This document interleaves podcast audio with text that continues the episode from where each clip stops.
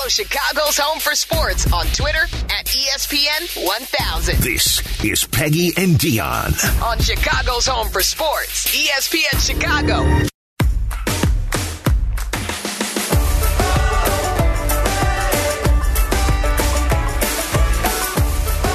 Hour number two, the final hour of this show is Peggy and Dion are off today. My name is Jesse Rogers. If you're just tuning in, be here until 1, and then it's the hockey show with Pat Boyle and Barstool Chief. That's coming up at 1 o'clock right here on ESPN 1000. In about five minutes, the leaders will tee off at the Masters. Brooks Koepka and Jon Rahm uh, golfing together. They'll tee off in about five minutes as they get the third round going. They had to finish the second round this morning because of uh, poor weather yesterday, but we're well into the third round, and the leaders tee off in just a few minutes. 312 332 3776 is the number if you want to chime in. Maybe you're headed to Wrigley Field for the uh, game today between the Cubs and the Rangers. Weather just looks awesome. I mean, early April weather like this, come on. How do you not love it? How do you not love it? Martin Perez on the mound for the Rangers. Justin Steele, who's a good looking lefty, on the mound for the Chicago Cubs. 312 332 3776. Anything you you're learning about the Cubs through six games. It's it's I, I, it's really hard to say anything you know either way about either team. Um, all we can talk about is what we've seen, and it's been some good, some bad. It's it's it's been what I you know if I could extrapolate it out to 162 games, I think they're going to be about an 81 81 win team. I th- I thought the White Sox would be a little bit better. Um, I didn't think after eight games they'd have the highest ERA in the league, but I guess somebody somebody has to have it. Um, any any major concerns there? I mean, three just awful starts out of eight games, where the three starters did not give their their team a chance to win. Just that that leaves a bad taste in your mouth. Doesn't mean it's going to happen again and again and again, but um, you just gave away three games, and that's no fun. You want to be in as many games as you can, and then you sneak sneak a late inning win, and you know that's how that's how you become a, a, a playoff team, a championship caliber team. Um, they just have to have better efforts, better execution by their top starters. Three one two three three. Other than Cease, other than you always have to say Cease is great. Everyone loves Cease. Three one two three three two three seven seven six. The number. And, and what do you think about this? You know, sort of Cubs plan as it as it plays out. Um, we'll keep Morel in the minors. We'll keep Mervis in the minors. We'll we'll we'll slow play it with maybe uh, Crow-Armstrong and Brennen Davis and these guys, and and um, we're gonna give we're gonna give it a year for Bellinger and Mancini and Hosmer, and then you know maybe late in the year if they're out of it, those guys will come up. But you could have look. Mervis is the best example. Mer- Mervis and Morel, to be honest, you could have had them both start up here and not signed Hosmer if you wanted to, and just start that learning process now. Um, so, what do you think of that plan as, as it plays out? Mervis, Morel, they're all off to good starts. The minors, Pico Armstrong just started his year down there, had a good first game. I didn't see what he did last night. In any case, 312 332 3776, the number if you want to sound off on anything about the Cubs and the Sox. Um, and I was talking a little bit about uh, Bellinger earlier, about uh, sort of leveling off his swing with that RBI single yesterday and hitting without the shift. Well, he talked about it after the game. Here's Cody Bellinger on all that. Yeah, it's going to be good. Um, it's definitely going to be good. That ball most likely is a ground ball that's a routine play and throwing to first base. So um, it's nice to see, you know, um, hits that have always been hits, you know, uh, hits again. Yeah, I think um, usually after, for me, after the swing and, and uh, the at bat's over is when, when you realize it in the moment. Um, if there was a shift or no shift, you usually just kind of focus on what you want to do at the plate. Um, you know, obviously we know now that there are, less people over there, um, so but you can only focus on, on, so much for me at least. Yeah, definitely. Um, you know, I think the first few games I had to catch myself. Just, you know, just take, taking a breath. You know, I was you know full of adrenaline and excitement, and um, you know I was feeling good, but um, you know I wasn't able to to uh, relax as much as I could have, and uh, I definitely got to that point. Yeah, I feel really good. Um, day in and day out, um, off day, no off day, um, you know, consecutive games. I feel really good. So, um, really excited. That was Cody Bellinger yesterday at Wrigley Field. I actually talked to him before the game, and he's really enjoying himself in center field there with the bleachers. And He knows when it gets warm out, like maybe even today or this week, when it's a little bit warmer than even yesterday, um, it's just going to be a wild scene out there. So it's fun to talk to newcomers that haven't experienced Wrigley Field before on an, on an everyday basis, at least. Um, so I think he, he and the bleacher bums are going to get um, get along great as long as he hits, of course, which he did yesterday and did a little bit in Cincinnati for sure. Um, and and the shift, man, I, I see. I talked to some of the nerds around baseball last year. Some of the some of the guys that do this stuff. I'm not talking about like uh, I'm talking about like Fangraphs people and stuff like that, and or read their stuff, and they're all like, "Oh, I don't think it's going to be that big of a deal, eliminating the shift." And I say, "I, I no, yes, it will be a big deal. It, will it, be a big deal mentally, at the very least, for these hitters. Listen to what Bellinger Bellinger just said, and forget mentally. I think it it will show up in the numbers as well. So batting average on balls and plays is up seven points compared to all of last season. Now, may not sound like a lot to you, but it's up seven points. That'd be the highest in four years. I'm looking at it right now. It's at 297 batting average on balls and play. These are the balls that players make contact with. 297 batting average. It's a decent number. I'd like to see it go up a little bit more. For uh, left-handed hitters in particular, that batting average on balls and play is up 17 points 141 la- all of last year. It's at 158 right now. That's batting average on balls in play for left-handers. Um, I believe that's lefties, left-handers that pull the ball, pull the ball, ground balls and line drives that are pulled to the left side. Their batting average is up 17 points. Um, so I think that's a big deal. You ask the hitters, that sounds like a big deal. If if part of your average, you know, just one part of it goes up 17 points, because when you pull a ball on the on the left side, ground ball, it gets through more often. Instead of a 141 average, it's a 158 average. That's going to help your overall batting average. So I, th- I do think the elimination of the shift is going to be a big deal, and it's going to be a bigger deal over time as these lefty hitters understand that they no longer have to jack the ball out. I really am going to be a nerd and follow launch angles will the launch angles change? You you know the, what the launch angle is. That's that was the that was the catch term of the last decade. The Cubs were a launch angle team under John Mallee. The, the great Cub teams were launching balls all over the place. That it basically means an uppercut swing. It's basically an uppercut swing. You're trying to hit the ball out of the park over the shift because it was hard to hit through the shift. Now you no longer have to do that. You can hit through the shift, or what, what used to be the shift. You can hit through the infield, I guess I should say. And I think players are going to even out their swings. And we saw it yesterday with Cody Bellinger.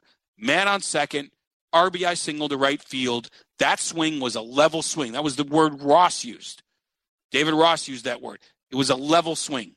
Last year, that's a jacket out of the ballpark type of swing. Even in spring training, we saw that that that jacket out of the park launch angle swing a lot more out of Bellinger. I think he's getting into better and better habits. It's kind of fun to watch the trans transformation for these lefty hitters. It really is. All right, 312 332 3776. So, Charlie, jump on as well. What if uh, the golfers are getting mic'd? What, what, other sport? What other position? Let's let's go with football because they really haven't. Am I missing something? They really haven't uh, done it in football. Um, they've done it in baseball, right?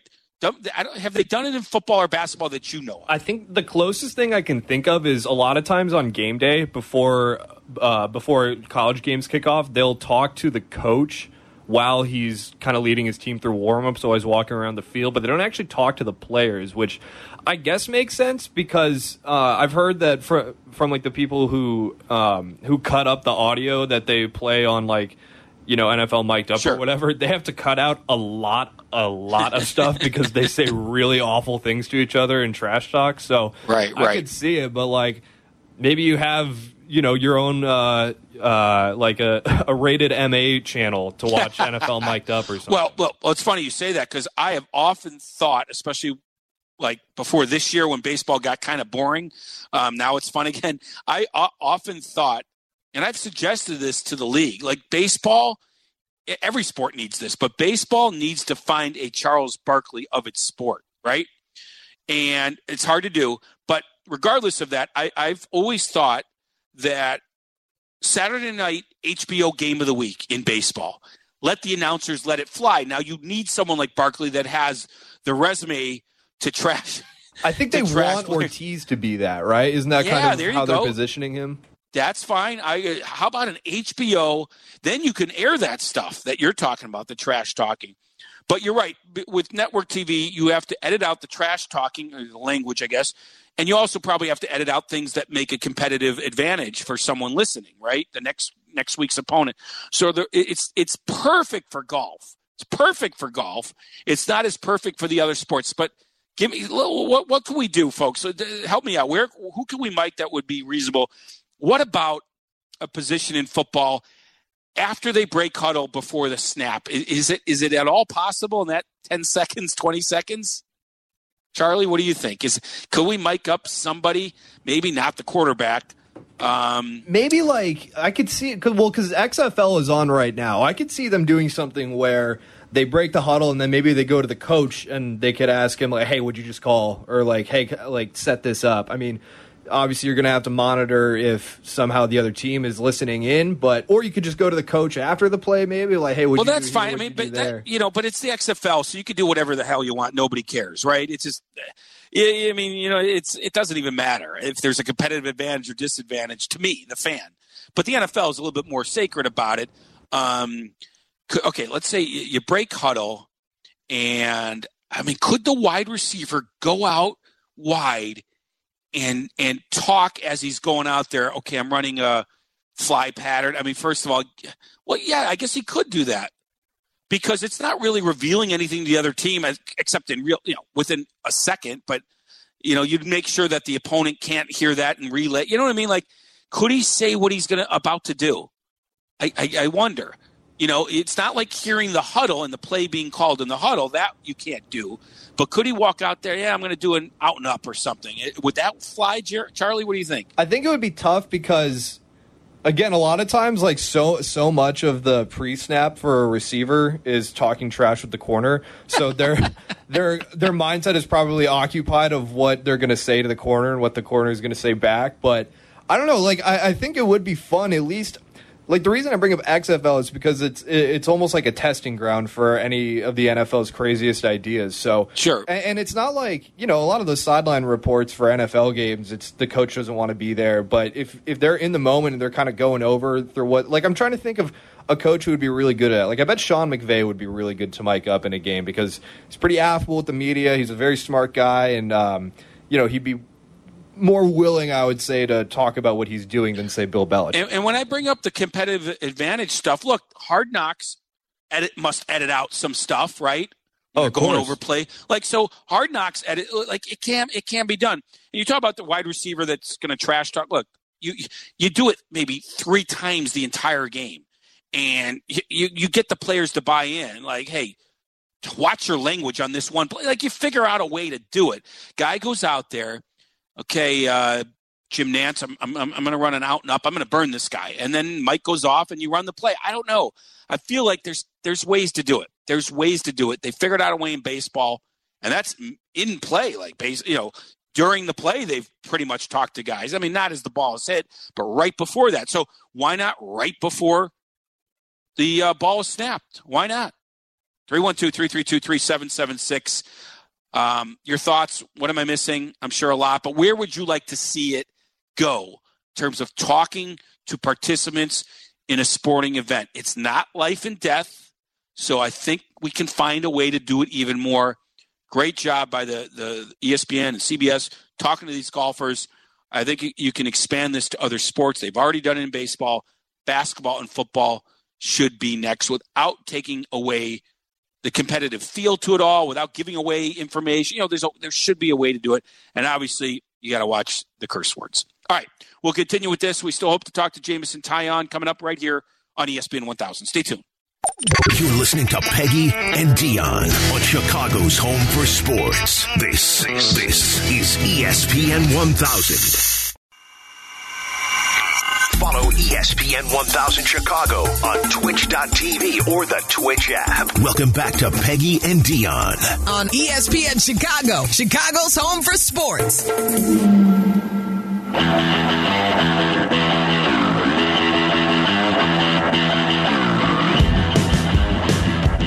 Peggy and Dionne are off today today. They'll be back next week. My name is Jesse Rogers here until 1, and then it's the hockey show right here on ESPN 1000.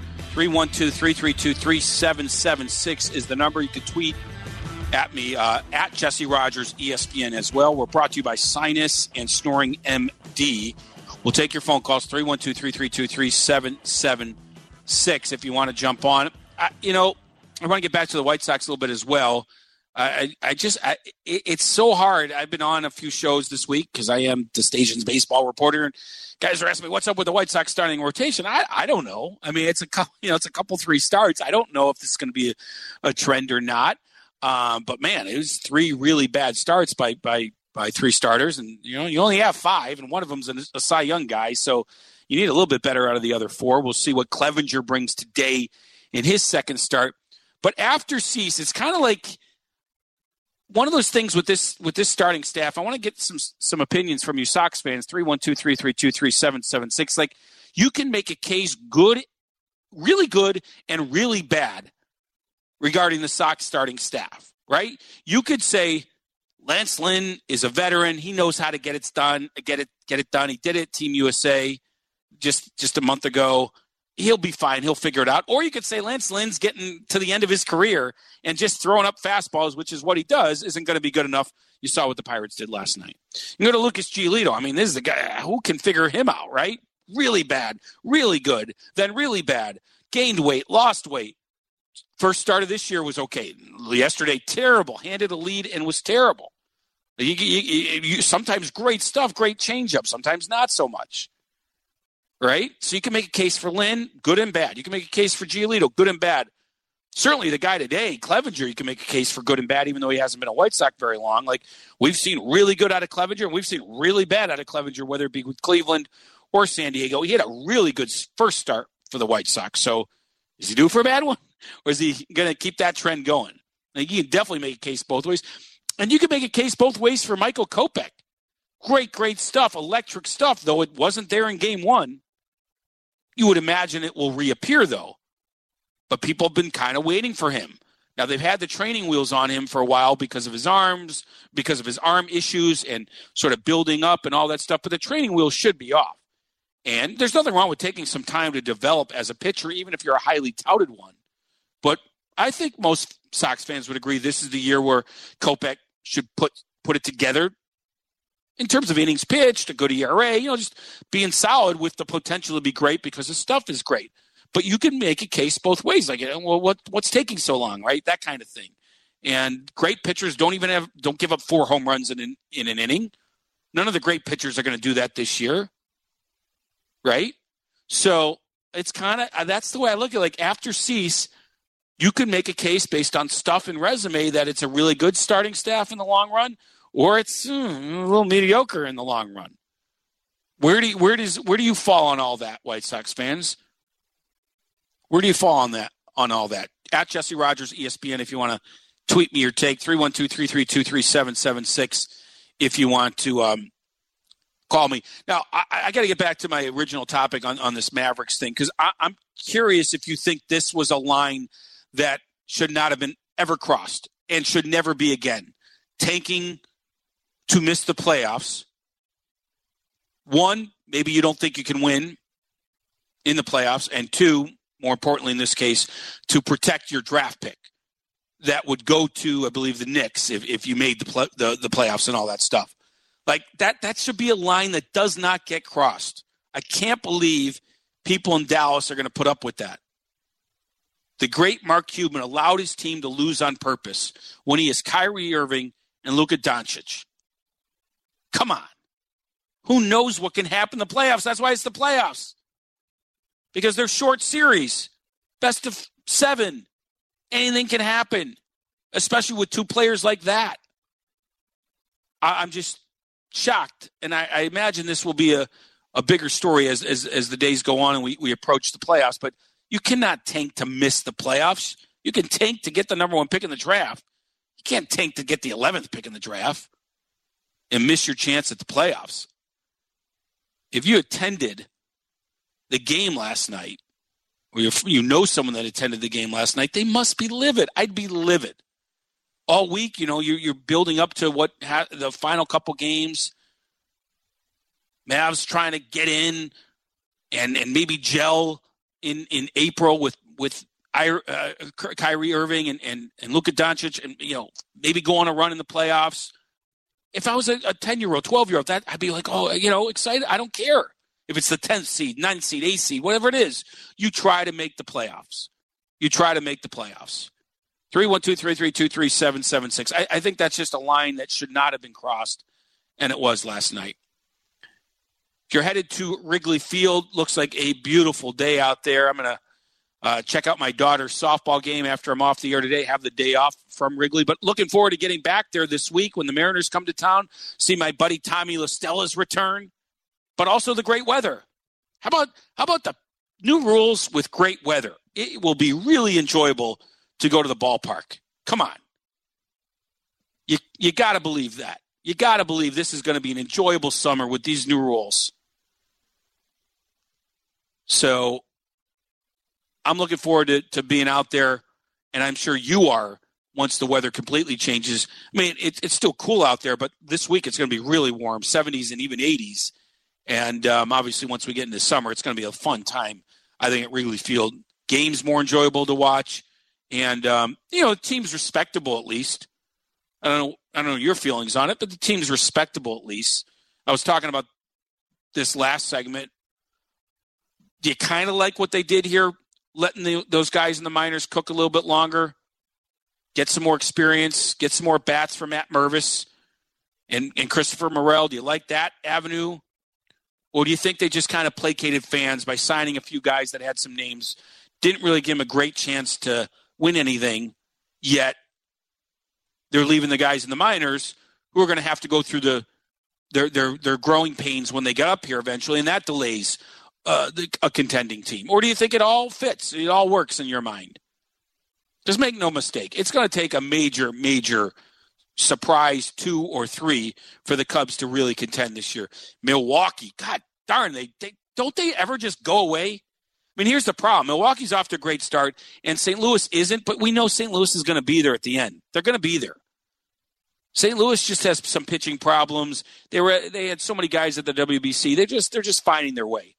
But Milwaukee, Counsell's the best manager in the National League. Let's start with that. And they they must scout the hell out of players and develop them. I mean, they get guys from coming out of nowhere. Rowdy Tellez, Brice Turang this year, Brian Anderson. It, it really is quite amazing. You got to give credit to the Brewers organization. Without spending much money, they hang in there every year. And they're off to a six and one start. They lost their opener at Wrigley Field and then have won six in a row. Beat the Cardinals last night. And who knows? They might lose the next six. They might be under 500. And I don't know. But you have to respect what Counsell and that organization continues to do, even though they're not really World Series contender eh, almost ever because they just don't spend enough, but they hang in there. And they've been better than the Cubs the last few years. Cubs were better than them for a while. Now they're better than the Cubs. We'll see how it all shakes out in just a bit. All right, we have to take a break. Coming up at one, it's Barstool Chief and Pat Boyle, the hockey show, right here on ESPN 1000. More Peggy and Dion coming up on Chicago's Home for Sports, ESPN Chicago. Welcome back to Peggy and Dion on 100.3 HD2, the ESPN Chicago app, and ESPN 1000.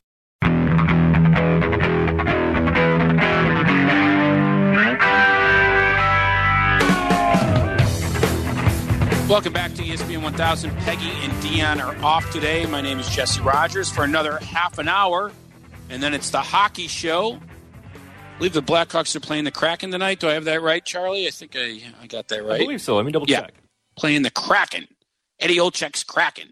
312 332 3776. The number, if you want to uh, jump on here, is uh, both the NBA and NHL regular seasons wind down. Um, not much to say about the Hawks or the Bulls these days, though the Bulls are in the play-in, so it'll be something to watch, I guess. But uh, they're probably not going anywhere. Um, at least they're going further than the Dallas Mavericks, who tanked it last night. I mean, I've never seen anything like it. You need to win to get in, and you purposely lose. You sit your all your starters. You take some crappy shots late in the game. Like I'm dying to know what you talk about miking up people. I would have liked to mic up Jason Kidd late in the game. What's he telling his players? Take crappy shots. Mean, it was only the final minute where it kind of showed, and that where they took like two or three really bad shots, um, and they could they can hide that by saying it was a flurry of trying to score, you know, because it was the final really half minute. But I don't I don't know what ha- I wonder how it was told to them. Hey, we need to lose this game. And remember, they led a lot of the game and then gave it up in the fourth quarter. How did that go down in the huddle? I really would like to know. It's it's one thing to to bring up young players at the end of a baseball season, and you even and even with them trying, you lose a lot of games because there's not a lot of talent and experience there, and it and it happens organically. You lose, you tank. Okay, this was an effort. They had to put in an effort to lose. First, to sit their players, star players. Doncic played a quarter, and Kyrie didn't play at all, and a bunch of other guys. And then with a lead, a decent lead at times, to then lose the game. I would love to know how that went down and how the league is not going to investigate that. Purposely losing a game. Not organically, not maybe, not playing your best players and stuff, like sitting your best players, then purposely giving up a lead and taking crappy shots at the end. I'd love to hear what Adam Silver has to say about that. Which reminds me, I didn't bring this. I, I didn't return to this earlier. I saw some charts about fandom of every sport, and it was really interesting to me. Maybe, maybe it's um, something that's going to be obvious to hear, to, obvious to you once I, I mention it. But the basically average age of peak fandom for each sport. I was able to see some charts. For example, baseball fandom at 12 to 14 years old is really high, which makes sense, right? All of us. We're little league. We played little league. We become fans at around that age. Huge fans. We watch games, right? 12 to 14 years old. Then as you get older, there's a dip, right? 20 year olds don't care about baseball as much, 30 year olds. And then it goes back up 40 year olds, 50 year olds, 60 year olds. So there's there's that that's the arc. You you start young, you, you lose interest a little bit. Kind of makes sense, at least in the old days. You know, maybe with the new rules it'll change, and then it goes back up. We know there's there's a lot of older fans in baseball. With basketball, I guess this makes sense, but I just didn't know it. Peak peak fandom once again, kind of like baseball, 12 to 14 years old, but then it just steadily goes down and never goes back up. I'm surprised there's so much money in basketball when it comes to advertisers and stuff with those numbers, knowing that fans, as they get older and make more money and all that stuff, lose interest in the NBA. And it also makes sense to me because I'm a little bit older of a fan and I don't like the NBA style that much. I put up with it because my kids like it. And uh, but I'm like one of these guys that longs for the old days where there was actually some defense played and um, but but look, I, I, also understand it's not easy to put the genie back in the bottle. Uh, Three point shooters have become just prevalent. Um, how they're built, how players are built with with uh, weightlifting and nutrition. It's just you, you, they didn't have that back then, and so it, it can be impossible to to to play the way you wanted the way it was played back then. It, it, it might be impossible to bring it to this day and age. I get all that, but doesn't mean I can't love the old days better. But that's that's the chart. It peaks at 12 to 14 years old and never goes back up. And it's eerie how steady the decline is. It doesn't even go back up a little. It's just a stay 18, 19, 20, 21. I'm, I'm, my hands are going down. 30 year olds, 40 year olds, 50 year olds. And, and the older the fan, the less you like the NBA. At least in baseball, goes back up. Um, so you want to tick off fans, diehard fans that aren't 12 and 14 years old, tank to miss the playoffs on purpose. Go ahead and tank to miss the playoffs on purpose. Any any any fan that that has any sort of like um, interest in it is going to lose interest. I think because that it, nothing to do with the Bulls other than the fact that the Mavericks played them. It ticked me off last night. I just I feel like yes, we have all these gimmicks, the play in heck, they might do a midseason tournament. Um, we have all these gimmicks now in baseball. I get it, but the the actual competition between teams and players still exists. That's why it's the greatest live thing on TV. That's why you know the top rated shows are usually NFL, but it's live sports, live sports because it's the unknown of it all. Players do want to beat other players and prove that they're the best. That's still true. And when you are asking your team to lose so they don't have to play in the playoffs, wow. I think that's a line we should not be crossing. I want to get your take on that. 312 332 3776 or tweet me at Jesse Rogers ESPN. All right, you're headed to Wrigley Field.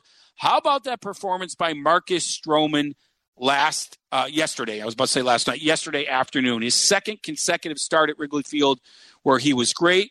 He's now thrown 12 innings this year and has not given up a run.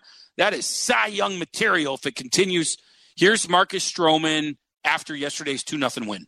Yeah, yeah, it feels good. Um, I mean, I'm a worker, so I'm always working in the off season. It's kind of a testament to everything that goes into it. I feel like me and the coaches here on a really good program. Me and um, Nate, who kind of I, I, work with every day as far as getting my body ready, and then me and Tommy, and then me and uh, Mosk and all the pitching coaches were dialed in as far as my mechanics. So they're able to kind of.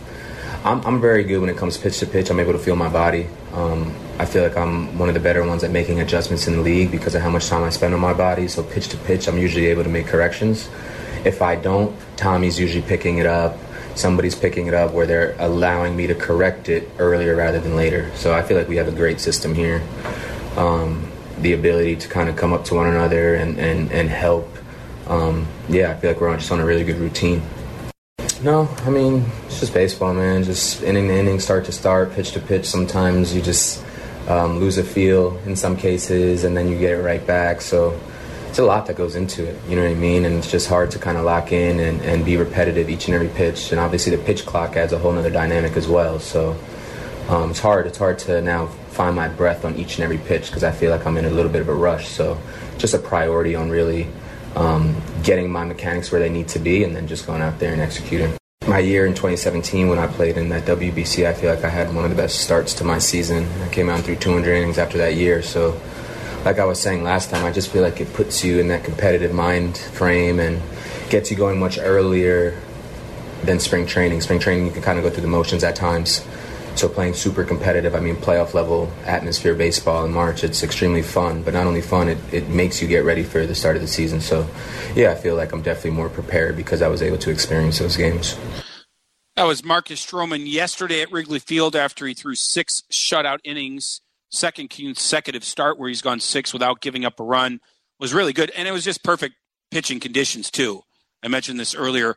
Cold enough for the hitters to have problems, but not too cold for the pitchers to find their grips. Like they, they found it was a sweet spot for pitching yesterday. That's why it was a two nothing game, and or part of the reason at least. But also Stroman's really good, obviously. But you know, it's just a little too cold for the hitter. It's just, eh, but just cold enough for the pitcher. So it worked out. And Marcus Stroman is off to a good start. And of course, the WBC, you know, we can we can take results and form uh, opinions. I, I, agree that it's probably locked in some people. Then, but then what's Lance Lynn's excuse, right? Pitched okay in Game One against Houston, decent enough. Gave up a two-run home run before leaving, but then the other day was awful, and he pitched in the WBC. So it's yeah, who knows? Uh, but I, I, don't disagree. It gets it, it should get some of these pitchers um, ready sooner, and maybe that's the case for Marcus Stroman who I think did pitch in, in, in, good pitching conditions, not just yesterday, but but last week against the Brewers as well. 312 332 3776. Of course, Marcus Stroman has an opt out after this year. The way the money's being tossed around, you'd have to expect him to opt out, but doesn't mean he will. But you just, your default position should be if he has a good year, he'll opt out because it, will get you more money. So you have to be, be prepared for that. And, the, and of course, if the Cubs fall out of it, he could be traded. He could be traded midseason. So all that is in play, but long way to go. Long way to go. Six games in, the Cubs are three and three. Been some good, been some okay, right? Um, a little bit of everything so far. Uh, they're projected to be around an 80 win team. Nothing I've seen is, is changed my mind on that. Um, not that six games would change your mind on anything. Uh, so, yeah, let's see how this plays out. I do think they have a really good chance to get off to a good start here in April with, with some of these big teams coming in you know, maybe before they found their stride, Dodgers, Padres, Mariners are a good team that are that's off to a bad start, and or if the weather turns again, it gets cold here, and you have the Padres and Dodgers towards the end of the month. That that's a good thing. Cubs Cubs need cold weather to to maximize because they are based on pitching. They're a team based built on pitching and defense, and um, we've seen that so far. Man, it's fun to watch Swanson and Hoerner up the middle already. Just six games. It's really fun to watch those two. I mean, how about the start Dansby Swanson is off to offensively and defensively? Cooled off a little offensively, but man, he he can pick it. Um, just a perfect guy to represent the Cubs at this point. You know, on the field, off the field, just seems like he's the right guy to be the leader of this team. All right, we have uh, 15 minutes left in the show, and then it's the hockey show with uh, Patty Boyle and Barstool Chief. That's coming up in just a few. Stay tuned. This is ESPN 1000. This is Peggy and Dion.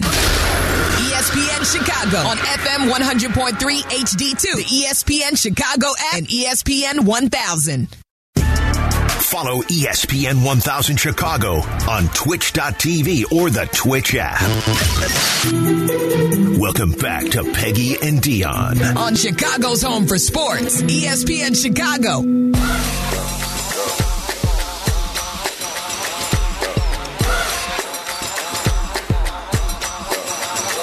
Peggy off today. I'm Jesse Rogers. Another 10 minutes here, and then it's the hockey show.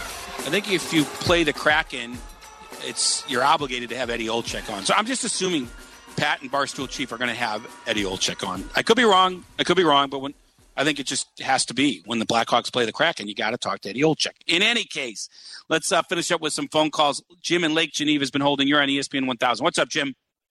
Hey, Jesse, how are you? Good, man. Good. Hey, uh, I wanted to follow up with a conversation we actually had on air a couple months ago uh, where we were talking about the value of our catchers, even though they didn't have bats, they really could help a pitcher get out of some sticky situations and make sure they pitched a really good game. You know, everybody keeps focusing on the Cubs bats, and I understand it, though admittedly that middle of the lineup is rocking right now. But what I think is so paramount to their success this year, maybe more than anything, it's not so much how Stroman does. He has clearly shown he's going to deal. Hopefully, Steele shows that he can be a pretty dominant number two. But what happens with Wesneski, Taillon? Are we going to move some people up? Can Smiley rebound here? If our starting pitching can just move up into like one of the top 10 in baseball, which I think is more realistic than our offense making some significant jumps, I really do think they can win over 80 games. But I just was kind of curious. Um, like what would be realistic to expect from people like Wesneski and Taillon this year? I mean, I think their last two starts were kind of an anomaly, but just kind of curious what you would say. Yeah, no, no, I don't disagree with. I think that staff could take a jump. I mean, we have to give credit to the Cubs' development process here with pitchers. It's it's it's done well lately, whether it be starters or relievers. Now, no one's a Cy Young candidate just yet, right? Steele and these guys, but the, but just to develop major league pitchers is pretty cool, or to acquire them in a in what looks like a great trade on paper, not just because Effross got hurt, but because you traded a middle reliever for a major league starter, and it's just the beginning of Wesneski's career. So we'll see what it turns out to be. But everything's a risk, everything's a gamble. And on paper, it looks pretty good. Keegan Thompson's developed. Uh, so, yeah, I, I, agree with you. I think that the, the, the, strides on the mound are more likely to happen for the Cubs than than at the plate, um, especially with some of the main guys in the minors, the young guys right? Um, hey, yeah, Jesse, go ahead, Jim. I, I have sorry, I have one more question too. You know, you were talking about something that kind of interested me a little bit. It's this Morel, all these other people down there, and they're going to have some natural growing pains. And I know it's almost blasphemous. So I'm not trying to say they're the same person, but I remember a similar discussion in 2015 when they left Bryant down, and obviously that was more service time than development. But it does seem like the plan is to move them up and for them to be impactful at some point this season. Though I'm wondering, you know, how important are these early games in that sense? We've had some things not go our way. I think it's very reasonable to assume, and obviously it could be the other way too, that with some better hitting and maybe in situations there's some better outfielding, the Cubs could have one or two more wins. I mean, what are your thoughts on bringing those people up slowly and how it could impact this season's performance? Thanks, Jim. I, I think they're going to come up, but mid-season or later. Uh, that's what I think is is going to happen. And my, my question earlier in the show was just, and this is a longer discussion, did they go with this plan because they were getting a little antsy? Speaking mostly about ownership, that there weren't enough named players on this team, and you know, you know what I mean. Like, I, I would have been okay if Morel, heck, PCA, let them go through their growing pains up here. Not maybe not all of them, but you know, certainly Mervis and Morel could have gone through their growing pains up here. But they decided to sign these. I mean, if there's a signing that you can maybe say, well, I don't quite get it, it's probably Hosmer more than anything, right? Because Mervis and Mancini could have could have split time and slowly worked, uh, you know, Mervis in there and, Mancini is the DH, so they both could have gotten their bats. Um, but okay, it, no one's gotten hurt by more time in the minors, so I think they're going to be contributors, but later in the year because they have veterans locked up at these positions for right now. Let's go to Matt in Peoria. You're on ESPN thousand. Oh, ESPN one thousand. Matt, go ahead. Hey there, Jesse. Um, I yeah, I was just agreeing with you on the whole deal with the NBA. I mean, how can you just you know let it go? Like if you're trying to create stories, I think that this is the hardest thing. Is like you were saying with Charles Barkley, he and that show is what's keeping the NBA going. To me personally, I, I think you're. Think let me jump in, Matt. I, I, yeah, I think you're kind of right. The NBA has done an amazing, amazing job at making the world think it's the most popular thing ever. And uh, the things I've seen, it's not. Social media wise, highlights, the studio show, that that gets more attention than any any competition on the court because the regular season stinks. Now, I agree the playoffs are fun, but when a team is tanking not to make the playoffs, that's kind of annoying. And I think it's part of it is it just feels like there's no rivalries anymore. You know, there used yeah. to be teams that were natural. You know, it's like Cubs Cardinals, like we like you know, or Cubs Sox or whoever. You know, like we don't have. It's kind of like with uh like you know in the NHL where the Detroit left the uh the West Central. You know, it's right because, like, uh, because you know the stories are gone. You know, because the NBA, like I just said, the NBA. You're right. The NBA is capitalizing on everything but the competition. Think about the player movement in the offseason. It's the biggest deal in the world. They get headlines. But then then again, you know, everyone's moving. There's no they're they're joining, they're super teams they're forming, they're they're leaving the team they drafted. I'm like you you lose something when all of that happens in comp in terms of competition, but you gain something in headlines, right, Matt? Right. Yeah, just stories, yeah. Yeah, that's what well, it is, th- Matt. You're right. It, it, it, it's less about competition and just about the stories of it all. You know, right when, and, and, when it should be about the sport. You know, that's yeah, what I agree, Matt. stories is the competition. So and, and and we're starting to lose that a little bit, Matt. My buddy Mike Greenberg, you know, host Get Up. Thanks for the call, Matt. Host Get Up, obviously, and does a show here ten to noon. Um, he did a thing a long time ago where he said the sports apocalypse is is upon us, and he and he thought that sports were going to implode. And I I don't even remember his reasoning. I just remember him doing a segment. This is way back when he was in Chicago. That he thought the sports apocalypse was upon us. That that we were crossing a line. We could maybe salaries were getting too high. I can't remember his reasoning. But when this happened last night, where the Mavs tanked the game to miss the playoffs, I immediately texted Greeny this morning and I said, "Your sports apocalypse is upon us. It's happened. Tanking." to miss the playoffs is a line that should not be crossed in professional sports. And he agreed. He said that the NBA should be ashamed, and they should be. Final call, Mike on the north side. I got about a minute. Go ahead. You're on ESPN 1000. Uh, real quickly, real quick comment. I don't understand why Morel's not up right now. They said he needs some time. Well, plenty of time with Suzuki out. Lastly, weekends like this, I, I've been saying this forever. I don't understand. When is this Friday afternoon, Saturday afternoon? no night games on the weekends ever going to end? How does one little creepy alderman have all this power? have you heard anything? And plus, doesn't Marquee have a say in this at all? I mean, no. more viewers at night. I don't get it. Yeah, I don't think Marquee don't has a say in it.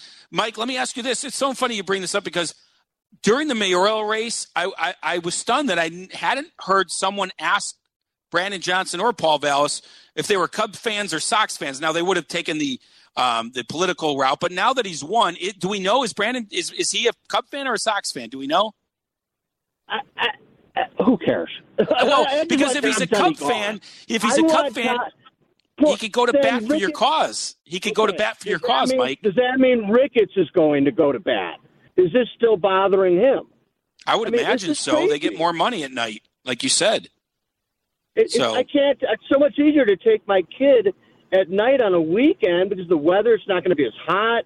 It's a little later, and it's just I, I don't get it. I, I well, thank, thanks for the, thanks for the call. I mean, look at at this time uh, of year, day games are probably best. You're getting getting lucky this weekend, so I don't have a problem with that. But I understand that people want to go on a Friday night or Saturday night, and there there are some Saturday six o'clock games. There's no Friday. So anyway, that, that, whatever. I mean, it is what it is. But I understand what you're saying, and maybe Brandon Johnson will take care of it. Is that his name, Charlie Brandon Johnson? Yep. Get there. Okay.